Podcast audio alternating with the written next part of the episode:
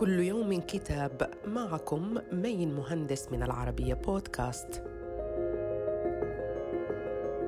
نتناول اليوم كتاب يوميات كامل الشناوي للكاتبة رحاب خالد.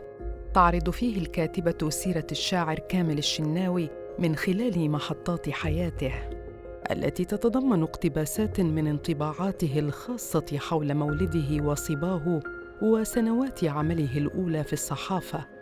كما يتضمن الكتاب فلسفة الشناوي في الحياة التي لا يمكن قراءتها بمعزل عن شاعريته.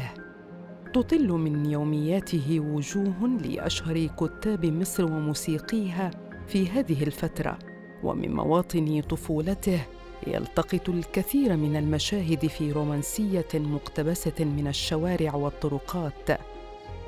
أما في بداية الكتاب فتذكر وصية الشاعر الراحل كامل الشناوي إلى الكاتب الصحفي أحمد رجب التي نشرها في جريدة الأخبار عام 1962 كتاب يوميات كامل الشناوي صدر عن دار الكرمة للنشر بالقاهرة.